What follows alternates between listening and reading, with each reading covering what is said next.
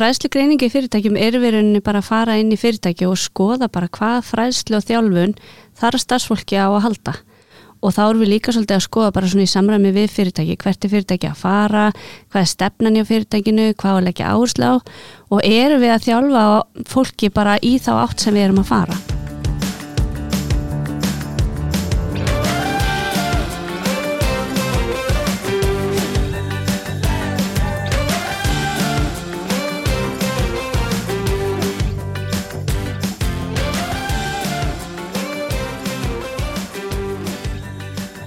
Komið sæl og verið velkomin í hlaðvarp yðina fræslusetturs augnabliki yðnaði. Ég heiti Fjóla Högstóttir og við Sigurður Fjallar Jónsson markastjóri yðinar ætlum að fræðast í dag um fræðslu greiningar innan fyrirtækja.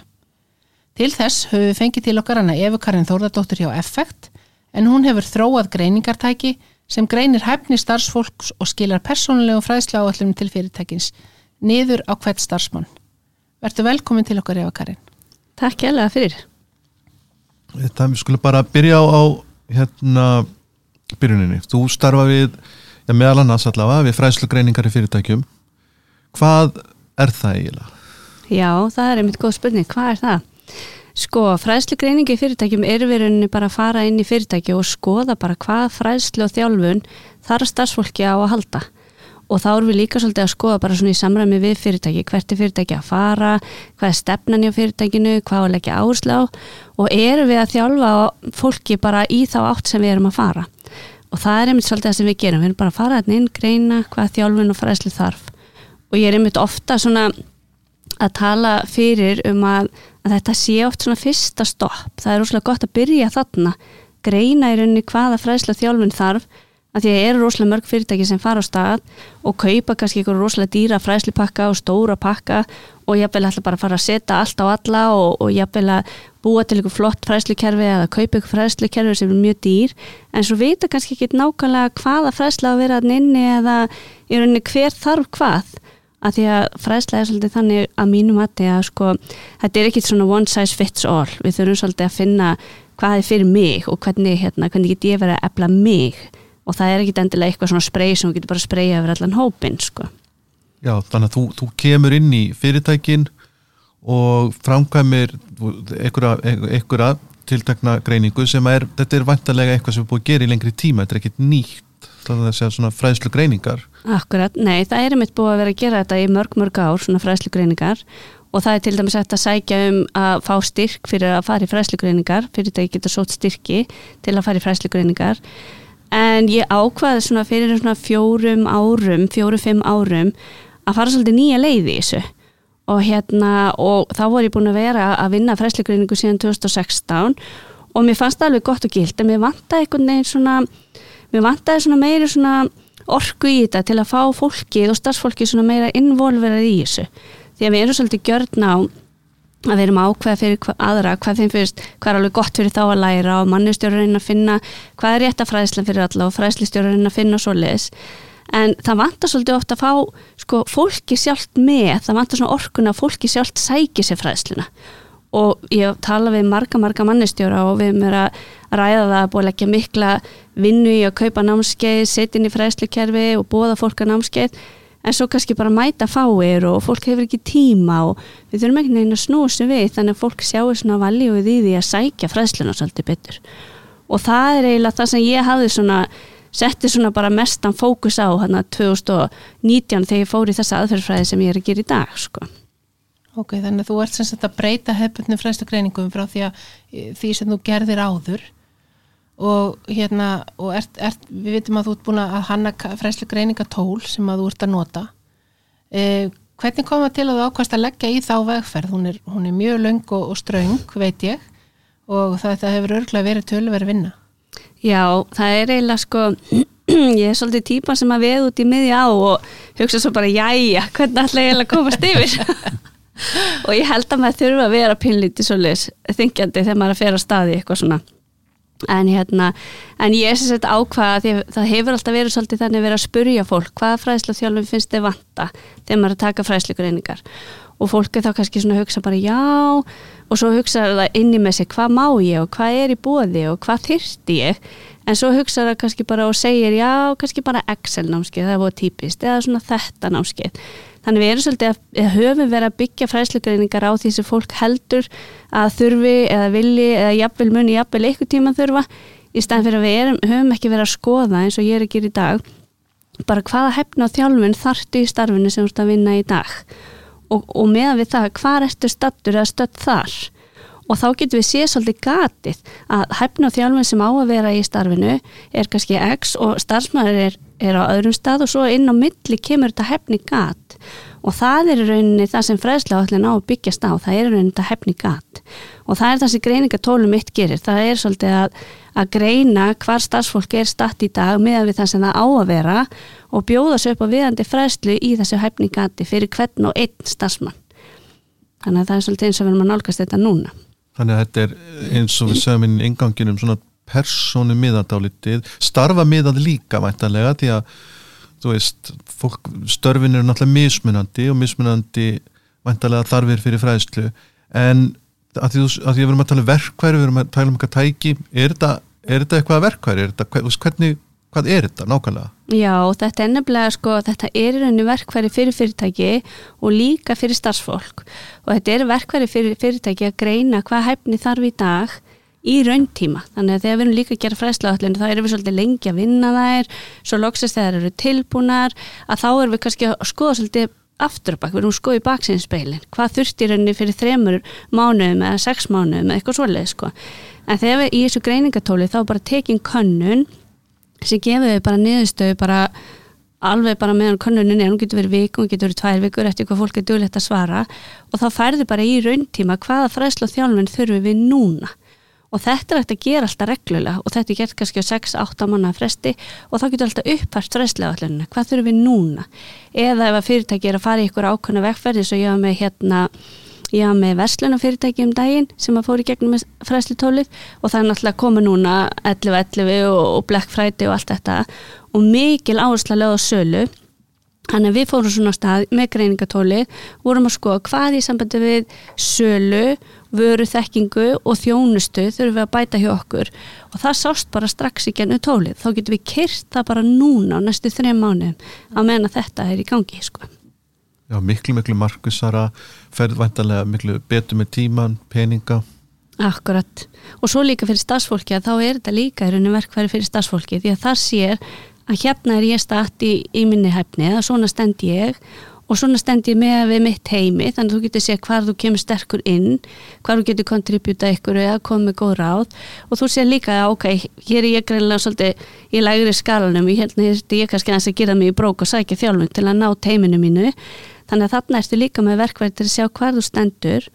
Og svo í tólunu getur þú sett þér svona markmið þar sem þú getur verið að setja markmið að sækja þá fræslu sem allar að sækja næstu þrjá mánuði.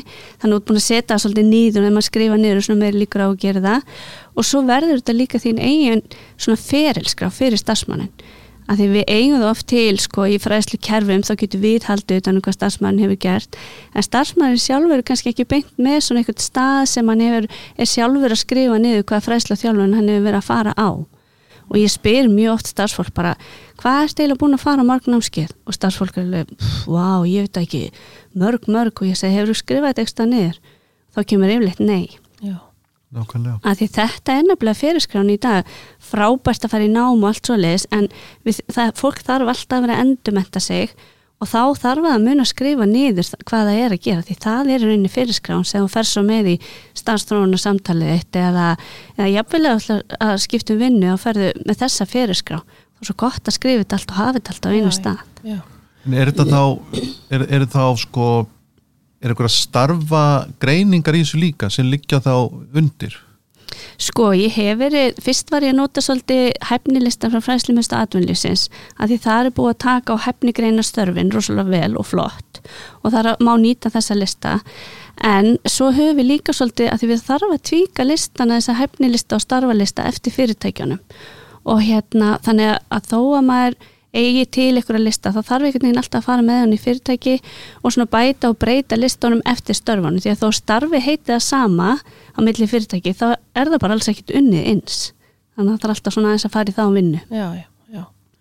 Þannig að útrúsu kemur uh, einhverjar afurðir sem að er þá í rauninni fyrir fyrirtæki til þess að sjá þá alla er það ekki og líka þá fyrir um, starfsmannin sem slíkan. Já, akkurat, af því að þegar nýðustöður hafa, þegar búið er að senda út konunna og það er hægt að sjá þetta hæfningat, að þá getur rauninni sko fyrirtæki bara ákveði eða, mannistjórun eða fræslistjórun ákveði hvernig það vilja rauninni aðgangsstýra nýðustöðunum. Því að hver stjórnandi getur bara sé nýðustöðu niður á sitt heimi og hver stjórnandi getur sé nýðustöðu niður á hvert starfsmann. Það er hægt að sjá sér og pikka út til dæmis alla stjórnendur, sé hvernig hefni þeirra leikur og svo er líka hægt að sjá niður á svið eða bara fyrir fyrirtæki í heild. Þannig að það getur líka virka hvetjandi, þú veist, ef að ég get séð hvar ég stend hvert heiminu mínu Já, algjörlega sko. að ná í þá þekkingu sem að, að mig vantar upp á. Akkurat og þarna færðu líka svolítið að því að það er á stafsfólk sem hugsa svona já, veist, ég er alveg góð í mínu starfi og svona, mér langar til að efla mig en ég veit ekki alveg hvar, hvar ætti ég að byrja Já. og þetta er akkurat svarið sem hún fær bara þar, hvar þú ætti raunin að byrja Já, ég líka pæli svona hluti bara eins og forgangsröðun þú segir hvað ætti ég að byrja? Hvað er mikilvægst að byrja? Vegna þess að kannski er eins og að tala um svona dagar núna hérna Black Friday eða Singles Day eða eitthvað, kannski er bara mikilvægt að þú klári þessa fræðslu fyrir einhvern ákveðin tíma. Þannig að þetta er komið verkværi sem getur hjálpað þér þannig líka sko að forgangsræða fræðslinu gæti farið á eitthvað svaka Excel náskeið sem að gæti tengst þínu starfi en það er kannski ekki því að halda neitt strax. Einmitt. en hvernig, nú er að væntilega frumkvæði fyrirtækina sem að fræðslugreining fer fram. Þannig að getur þú sagt bara í örstutumáli hvernig, hvernig er þetta ferli? Fyrirtæki hefur samband við uh, ráðgjafa eða hvernig, Já, það fyrir svolítið mitt eftir hvað hva leið fyrirtæki vilja fara sko. Sum fyrirtæki hafa haft samband við mig og vilja bara fara í fræðslu greiningu og það er nefnilega til að þetta sækja um hérna, verkefni fræðslustjóra láni og þá fá fyrirtæki fyrir þessa fræðslu greiningu sér að kostnaðalösu og það er þetta sækja um svoleiðis í gennum áttina. Og þá er þetta að velja sér ráðgjafa og við erum eitt af þeim ráðgjafum sem hægt er að velja. Og svo er líka þetta sækja um starfsþróunar áætlunar gerð. Það er líka eitt styrkur í viðbót hafsjór hérna alls konar, konar flóknum hlutum en hérna, en það er eitt styrkur í viðbót. En svo við líka fengi fyrirtæki sem hafa bara vilja fara í gegnum þetta sjálf og þá virkar eiginlega þannig að þú ert bara ákveða hvaða leið þú ætlar að fara svo hefur þú samband við mig. Og svo munum við gera okkur bara samning á milli að því að við erum náttúrulega að vinna með persónugögg þarna þannig að við þurfum að fara svolítið vel í gegnum samningin í byrjun.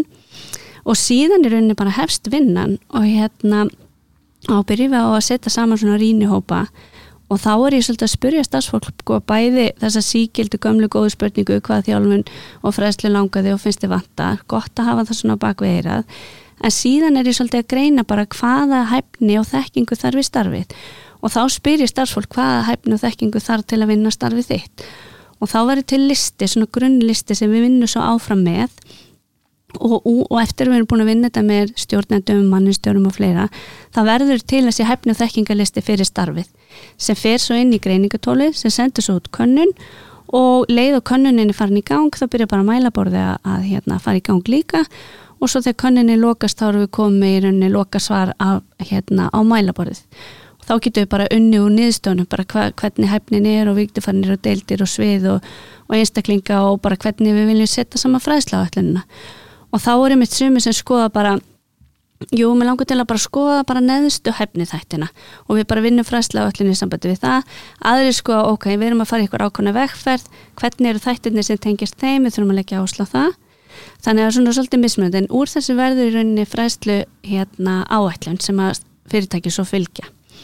En svo er reyndar ótrúlega margt að gerast í dag og ég hef til dæmis verið fengið til að taka svona greiningu og þá til dæmis bara verið að skoða til dæmis hvaða, hvaða störf eru síendur tekinn, hvaða störf er hægt að, að setja saman jafnvel, hvaða störf er hægt að aðstofa með að stafvæða og hvað, hvað er svona alls konar þegar maður fyrir að skoða og grafa hún í þessa hefna þekkingalista bara hva, hvernig er starfiðinni samasett og hérna yfirleitt skipti við þessi fjóra flokka það er þess að persontengt hæfni sem er hæfni sem að þú getur verið að eflaði hjá fyrirtækinu eða, og ég vil teku svo með þér annað. Svo erum við starfstengta hæfni sem er þá svona hvað hæfni og þekking þarf í þitt starf.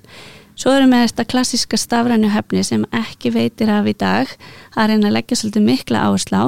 Og svo erum við alltaf með hæfni þetta fyrirtækisins eða stopnunarinnar og þá erum við svolítið að skoða eru gildin og er stefnan og er vekkferði sem fyrirtæki er á, er það að skýna sér í gegnum starfsfólki og, hérna, og það er mjög gaman ofta að sjá hvernig þessi flokkar er að koma út sko, og kemur oft mörgum og óvart. Því að ég til dæmis, ég og litla hérna, sporturuveslun og ég setti starfsfólki mitt í gegnum þetta og ég held að ég þekkti það nú alveg út og eins sko, að þegar ég fekk neðstöðna ég var bara gapandi, ég bara þá, þá sér þetta bara svart og hviti og þá er allir að svara eftir hjartanu og, og þú sér bara hvernig teimi þetta er samasett, þetta er alveg Já. ótrúlegt sko. og, og er það bara algengt að stjórnendur fá einhverja mynd af starffólkinu sem það bara hafið þið ekki fyrir? Já, mjög algengt og líka ég hef verið með fyrirtæki sem eru búin að segja við mig að þú þarft nú ég ekki að hafa hefni þátt fyrirtæki sem við erum með gildin okkur svo skýr og, og þetta er allt skýn í gegn og svo er það kannski legstur þannig að það er alveg þú færði þetta bara svart og hvítu alveg beint í æð sko. en, en þegar þú segir lægstur á hvernig hvarði er þetta? Er þetta 0 til 10 eða hvernig? Heri, þetta er hvarðin á byrjunni 1 til 4 Já. og hérna fyrst var ég með þetta hérna þegar ég var að byrja 1 til 5 og ég lærið fljóta að það, það gengur ekki. Það er svo opbosla þægilt að setja í þrjá. Þá þetta bara svona, Já, svona mellá þannig að ég tók þrjá burt og þá þá fólk virkilega að fara að hugsa bara er ég er ég tveir eða er ég fjórir? Mm. þannig að já, ég ákvað að hafa skalin á einn til fjóra. Langar svolítið að forvittnast með tíman eh, hvað tekur svona langan tíma að gera og, og hver þáttur þá hérna eh, fyrirtæki sem slíka er, er, er mikil tími sem fer í þetta sem að, að hérna, bæði auðvitað þínvinna en þar fyrirtæki að leggja eitthvað á móti? Já, þetta er nefnilega sko þegar við förum að stað þá förum við svolítið vel yfir ferlið. Og hérna þetta getur tekið á bylnu kannski, kannski fljótasta verkefni ef fyrirtæki er ekki mjög stórt kannski svona tvo mánuði en ég hef alveg farið upp í 6-7 mánuði sko. já, já. og sérstaklega við erum að gera marga hefnilista eins og eitt fyrirtæki sem ég byrjaði með, við ætlum að byrja með 20 hérna, hefnilista og við endum bara í einhverjum 40 eitthvað því að þegar við byrjum að vinna þetta að þá sáum við bara vá hvað væri gaman að fá líka fyrir þetta starf og þetta og, og, og, og bara tókum þetta rosalega vel niður mm. og hérna en það er náttúrulega sko við setjum saman grunnlistan með fólkinu síðan er þetta svolítið vinna með mér og mannistjóran með stjórnindunum yeah. og að setja saman flottan lista og hérna þannig að við höfum alltaf verið að segja að fyrirtæki kemur alveg 50% á móti mér inn í þetta verkefni sko uh mhm. -huh. og rúmlega það oft sko að mannistjórn er alveg finnst þetta alveg geggja skemmtilegt sko já, já, það var þetta að fara já. mjög mjög neða en sko þetta er náttúrulega bara vinna sem hún gerir í upphafi og manni finnst þú stundum yfirþyrmandi en þeir eru búin að gera þetta einu sinni að því þú tekur svo alltaf kannuna reglulega.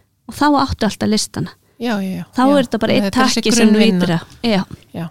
Sem tekur tíma og, og, og fyrirhöfn þannig að hérna, og síðan ertu bara að keira þetta aftur. Akkurat. Aftur. Hvað hérna uh, hvað tekur við svo þegar freyslugreyningin likur fyrir? Hvað, hvernig haga fyrir, fyrirtækinn sér þá? Já, sumir hérna búa bara til fræslu áallun ekkit bara, sumir gera fræslu áallun og vinna svo eftir henni. Og starffólk er þá líka bara að setja sér markmið varaldi frælsluna og þess aftar en svo eru sumir sem fara jafnveg með þetta ennþá lengra. Og þá er það að nýta þessa niðurstöður í starfstrána samtöl og þá er fræðslu áallunni tilbúin fræðslu greininginni tilbúin svo sest stjórn, hérna, stjórnandi fyrir fram að starfsmann. Og starfsmæður opna þá kannski fyrir honum því að starfsmæður sér bara mína sér stjórnandi getur henni ekki farið inn á hans síður sko, mhm. -huh. hann sé bara svona heldan niðurstöð og þess að það og þá eru oft hérna starfsmæður sem opnar mína sér og þá er svolítið farið saman í bara já ok, þú ert að koma látt niður í þessum stafrænihefni þáttan hvert að spája gera í því fram að næstu mælingu? Og hvernig langar þið að auka þetta fram að næstu mælingu? Og þá er líka að taka þetta samtali á þetta er til í fræðslega en þetta er ekki til í fræðslegaallunni og við erum tilbúin að styrkja því svona eða, eða þess áttar og því að það, ég hef oft hérna verið að tala við mannustjóra og stjórnendur og ég spyr, spyr rosaloft bara hérna hvernig er svona fræðslemálum hátta hjá ykkur? Og stjórnandi segir oft og, og meinar það alveg að það er, dittnar eru opnar, það má alltaf koma og spurja mig hvort að, að megi fara á eitthvað námskeið að sækjum eitthvað námskeið og við erum bara mjög opinn fyrir því. Ég fæ yfirleitt þetta svar. Já. En það er bara ekkit allir sem þóra að fara í gegnum þess að dyr og finnst þið einhvern veginn ekkit geta lappa bara sagt, heyrðu, mér langar hérna á námskeið í næstu viku, má ég fara þannig að þarna ertu komið með rödd og getur bara svolítið farið og passa allir svolítið farið í gegnum þetta sama Finnst þetta magnað? Uh, uh, ok, sko, uh, það sem ég er að spá. Fræðsla áætlunin, innifelur hún í sér námskeiðin sem slík, eða fræðslan sem slíka því að það kannski verður til eða það uppgötast eitthvað svona fræðslu gap, eitthvað bíl sem þarf að brúa er víst að það sé til fræðsla til að brúa þetta bíl hvaða fræðsla er valin og er það til að, er það til svist, að fyrirtækin bara setja þessa fræðsla og allir bara hún í skuffu og því að veist, það er ekkert síður mikil vinna í að standa sér í fræðslunni sjálfri sjá til þess að starfsmenn mæti og Akkurat, það er nefnilega og ótrúlega algengt að svona fræðsla allir fara hún í skufun ég held reyndar að sé að minka núna sem betur fyrr sko, maður finnur að fyrirtæki eru meira farin að, að leggja meira áherslu á þetta. En hérna en sko nú dætti eins og hvað var eftir hann að spurningi sem varst að spyrja með Nei, veist, það sem að ég er að spá í daldi að því að við erum að spá sko, hvað gerist eftir að fræðsla áallinni til Já, e, er síðan minna, það þarf að velja réttu námskeiðinu það ekki? Jú, algjörlega. Og er, er, er þau partur af áallinni sjálfri? Eða er það bara fyrir tækjana eftir að þinni vinnu með þeim líkur? Akkurat, þannig að, já, nú mun manni hvað ég ætla að segja við það, er svo ótrúlega merkilegt sko, mátti ekki þetta Þannig að sem að þetta hefur nefnilega gefið tóli líka er hérna að því að þú sér núna að það er þessir hæfni þætti sem þarf að laga. Það er til dæmis, eru samskipti að koma illa út, það er að koma illa út hérna, sjálfstyrking og jafnvel illa út að þóra að veita eftirfylgni. Og kannski þessi þrýr hæfni þættir eru að koma látt og þá fer þú að stað að hugsa bara já ok, hvernig get ég verið að efla þessa hæfni þætti og þá er eitthvað rosalega fint námskeið eitthvað starf sem eitthvað góður aðilega er að halda og, og þú hugsa svona já þetta mögulega geti passað og ferðast að og tala við viðkomandi. Og þá er yfirleitt, segir viðkomandi mjög algengt bara já, við gerum, getum gert hvaða námski fyrir þig og, og, og við getum aðlaða námski okkar að ykkur og þetta er svona svolítið típist. Og, hérna, en þá getur núna mannustjórin eða fræslistjórin sagt frábært, þú þarft aðlaða þannig að þessi, þessi og þessi hæfni þetta er aukist með þessu námski Þannig að þarna ertu strax búin að setja svolítið svona meira valjú í námskeið. Þarna getur þú bara, mér vantar svona námskeið sem á að auka þessa hefni þetta því eftir áttamánu munum við taka afturkönnun og þá getur við svolítið séð hvort að þetta námskeið séur en að auka þessa hefni þetta eða ekki. Það verður svona markvissara. Miklu, miklu Já. markvissana sko. Já, Og þar að leiðandi getur við líka svara spurningunni að því að þegar ég fór á staði þetta sín tíma þá langaði mér svolítið að geta svara spurningunni er í rauninni þessi, þessi, hérna, eh, þessi fjárfesting sem er, eh, fyr- fyrirtæki er að fjárfesta í fræslinni er hún að skila sér í aukinni hæfni? Og þú getur henni svolítið séða með þessu til dæmis ef að hæfnin er ekkit að aukast á ákveðnum flokkum en þú ert samt með fullt af námskeiðum í þessum flokkum þá er, er þau greinilega ekkit að skila því sem þú vilt að þau skili Já, þannig að þá einhvern hátt er þetta orðið svona svolítið mælanlegt. Já, þetta er nefnilega mjög mannlegt sko. Þessi flokkar, þessi fjóri flokkar sem þú talaðar um, því mér finnst þeir mjög áhugaverðir e, er, nú, nú ger ég ekki ráð fyrir það ein- einhverju þeirra sem mikilvægari en annar sko, ég ætla ekki að segja það en ég bara spá í, er svona gegnum gangandi á íslenska hér á Íslandi, er einhverju þeirra að koma ver út heldur en annar eða er, þú start að leggja yfirleitt meiri áherslu á einhvern eitt flokk heldur en annan? Já, það er nefnilega sko, nú eru búin að fara svona, svona 20 til 25 fyrirtæki og stopnarnir í gegnum tóli þannig að ég er farin að fá svona heldar niðurstöð þannig að maður getur farið að sjá að, að stopnarnir eru með vantar svolítið þessa fræðslu á heldina og, og hérna ég hef verið með nokkuð sveitafélög þannig að maður er farin að sjá svona smá rithma í þessu sko og það er alveg sama hvort það eru stopnarnir eða fyrirtæki á einstaklingsmarkaði eða fyrirtæki í hugbúnaða þróun það er alltaf stafræni þátturinn sem kemur lagst út. Og hérna og það er bara eitthvað sem við þurfum virkilega svolítið að, að mikið að leggja áherslu á. Og þú veist við erum búin að heyra þetta núna síðustu vikur og mánuð og ár en við þurfum samt að gera betur. Og það sem kom mér svo ótrúlega óvart er að þessi tækni fyrirtæki og sem hafa verið að fara gegn hjá mér þau eru líka slást við þetta sem er náttúrulega líka eðlilegt það er svo mikil þróun í þessu en við þurfum samt alveg og það er alveg sama í hvað atvinnugrein það er sko, tengdababbi minn var að kaupa sér nýjan traktor og hann er bara alveg sko og veist, hann situr stundu tímanu saman hann inn og er að læra á okkur tölvu Ok, og eitthvað já, svona. það veist, þetta er bara, við erum bara þarna og þarna þurfum við bara öll einhvern veginn að koma inn sko. Já. Lítur að verða gríðilega mikið magn af upplýsingum sem að verða til þegar Akkurat, þú ferð og, bara, þú, þú eigur bara við þetta eftir því sem þú er, ferð inn í fleiri fyrirtæki. Hvað algjörlega verður um þessi gögn? Já, gögnin er nefnilega að koma saman og þau eru alltaf eign fyrirtækisins, þessi gögn, en þau eru líka, sko, þetta er Microsoft löst Ok. og hérna, þannig að gögnin verða til í Microsoft umhverfinu og bara geimast þar eins og bara allt annað sem við erum að vinna á Microsoft, sko. En svo fyrir við rúslega vel í gegnum þetta líka bara í samningnum í upphafi, að því ég hef náttúrulega líka aðganga gögnunum til að aðstofa ef það kemur eitthvað upp á. Já, en, hérna, en já, þannig að það bara fara rosalega vel í gegnum þessa luti þegar við byrjum í upphafi. Og ég vil líka alveg vera með fyrirtæki sem hefur verið að fara í gegnum þetta og svo vildu þau ekki vera lengur og þá náttúrulega bara eigðu við öllum gögnunum. Þá bara pössum við okkur að vera ekkit að sapna þeim, sko. Þú talar um að því að fjóla er að tala um þessi gögn sem að hljóta að vera gríðarlega verðmætt og þetta vinna ýmsar upplýsingar, ekkert endilega niður á einstakt fyrirtæki, heldur bara svona almennt um fræslumáli fyrirtækjum.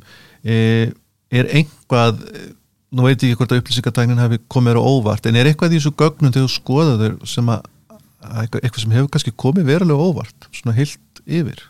Já, maður er náttúrulega sko þetta er, maður er búin að vera í þessu bransa í 25 ár. Þannig að maður er svona já, maður er svona fann að sjá en það sem gefur manni alltaf svo, það er þegar maður sér þetta á blaði, það er einhvern veginn alveg saman að maður hafa eitthvað svona gött feeling, maður trúir í svona, jú, jú, misjaflega vel en svo sér þetta bara svart og hvítu fyrir fram að það á mælaborði svona eru bara hlutinir og það er til dæmis eins og eins og við vitum kannski mörg sem hefur verið að vinna mikið með stjórnendum að það er til dæmis mannesmála þáttun en þú veist þáttun sem snýr mest að mannesmálum það er það sem er að skora lægst til stjórnendum í dag. Og þeim finnst þetta bara erfitt. Þetta er bara, þetta er bara mjög erfitt að vera stjórnend í dag og hugsa um alla, alla þessa mjúku þætti og allt það hvernig þú drýfur fólki eitt áfram og það er yfirleitt það sem þeir eru svolítið mikið að kalla og það er þetta bara hvernig kveiki í motivationu fólkinu mínu og, og hvernig veit ég góða eftirfylgni og, og þetta er þessi þætti sem að eru svolítið mikið, maður sér þetta kallar alveg á alveg þvert á öll fyrirtæki sko. og Já. stopnarnir en þetta er já, mjög miklar upplýsingar sem að þessi gögn geta veitt manni. Já. já, mjög Og en, en alltaf samt einhver rauður þráður í gegnum þetta eins og þú ert að tala um hérna Mhm. Mannlega þáttinn já, í þessu. algjörlega sko. hérna ef einhver vil fá aðganga að þessu verkværi þá er það væntalega bara í gegnum hæfni greiningu sem að þú ert að sinna eða eru önnu fyrirtæki að nýta sér þetta verkværi, er, er það bara þú hjá Effekt? Sko, ég er svo eina sem veitum að er með svona tól í dag og hérna og, og svona náttúrulega þetta tóli byggt upp á þessari aðfyrirfræði að vera að gera fræslu greiningu en eins og ég með eitt fyrirtæki núna sem er bara að í rauninni að fara í gegnum störf hjá starfsfólkinu sínu og bara líka til að sjá bara hvað hva er hægt að gera betur, hvað getur við stafætt, hvað getur við sameinlegt, hvað getur við, hvernig getur við bara unnið markvissar og betur og þá þarf þetta að fara svolítið niður á störfin og skoða hefna þekkingu í starfinu. Þannig að það er að opnast svona hjá mér alls konar dyr sem að ég ætla í rauninni ekkert að fara í en fyrst þannig er spennandi að skoða sko. Já. Þannig að því að svo hefur þetta líka verið að sína sér að ég, ég hef farið niður með rínuhópum og tekið svona samtal hvað þekking og starf finnst þið þurfa í þínu starfi. Og úr því verður listi svo hefur ég farið og hitt mannusteimi og þau eru kannski bara gapandi. Þau eru bara, ha? Þetta er ekkit starfslýsingin eða þessi fólki eru þau að upplifa starfi sitt svona. Já, einmitt, það er, já, já, það er að koma alveg bara Þetta er svona, mjög merkilegt. já, já, alls konar vinna út úr þessu sko, svona hluti sem að þú gerir ekki dráð fyrir. enga veginn sko. Já, Hver eru svona næstu skref hjá þér, í bæði í, í, hérna, í greiningunni og síðan líka með tólið þitt? Já, ég er að spája að hanna herþótu Ég veit ekki þú dettur í hugjarnu Ég ætla bara ekki að segja manninu mín það En svona næstu skref hjá okkur er núna að við erum að búa til sérst, þetta þriðja mælaborð sem er í rauninni sko að sapna þessu gögnum saman Þannig að við getum með svolítið vissu sagt bara að, að, að fyrirtæki sem eru að vinna í vestlun og þjónustum, þeim vantar þessi námskeið núna og fyrirtæki sem eru svona kannski inn að gera, þeim vantar þessi námskeið núna. Þannig að við getum svolítið komið til móts við fólk í raun tíma hvað vantar og það er svolítið það sem við erum að vinna að núna. Svo er þetta náttúrulega, þetta er bara eins og bann, sko, hérna hérna þetta blessaða fræsli tólmitt því að maður heldur að sé allt í blóma og svo líða tveit dagar og þá ringdu skólanum og gerist eitthvað eða eitthvað þannig maður er alltaf að viðhalda og maður er alltaf Já. að laga og maður er alltaf eitthvað að bregðast við ykkur sem að gerist sko. stöðu þróun það verður alltaf stöðu þróun sko. Já, þetta er búin mjög áhugavert ef að hérna eru við að gleyma ykkur eitthvað sem þú vilt taka fram eða eitthvað sem við erum að gleyma að spurja þig Sko, ég, ég vil bara hérna, ef fólk er eitthvað spái að fara á staði, bara hvar ætti ég að byrja? Ef þú ætlar að fara að kaupa fræslu kerfi eða þú ætlar að fara að fjárfesta ykkur fræslu pökkum bara endilega, þó að sé ekki endilega hjá mér í effekt en þá, þá bara, það er svo marga lausnir en endilega byrja á að gera greiningun veist, bara farðast á og aðtög hvað í rauninni vantar áður en þú fer að staði að, hlaupa og kaupa, sko er það ekki nokkuð velvalin það er mjög góð lokaord það held ég. Eva Karin Þóradóttir frá Effekt þakka að kella fyrir komuna. Kæra það ekki fyrir mig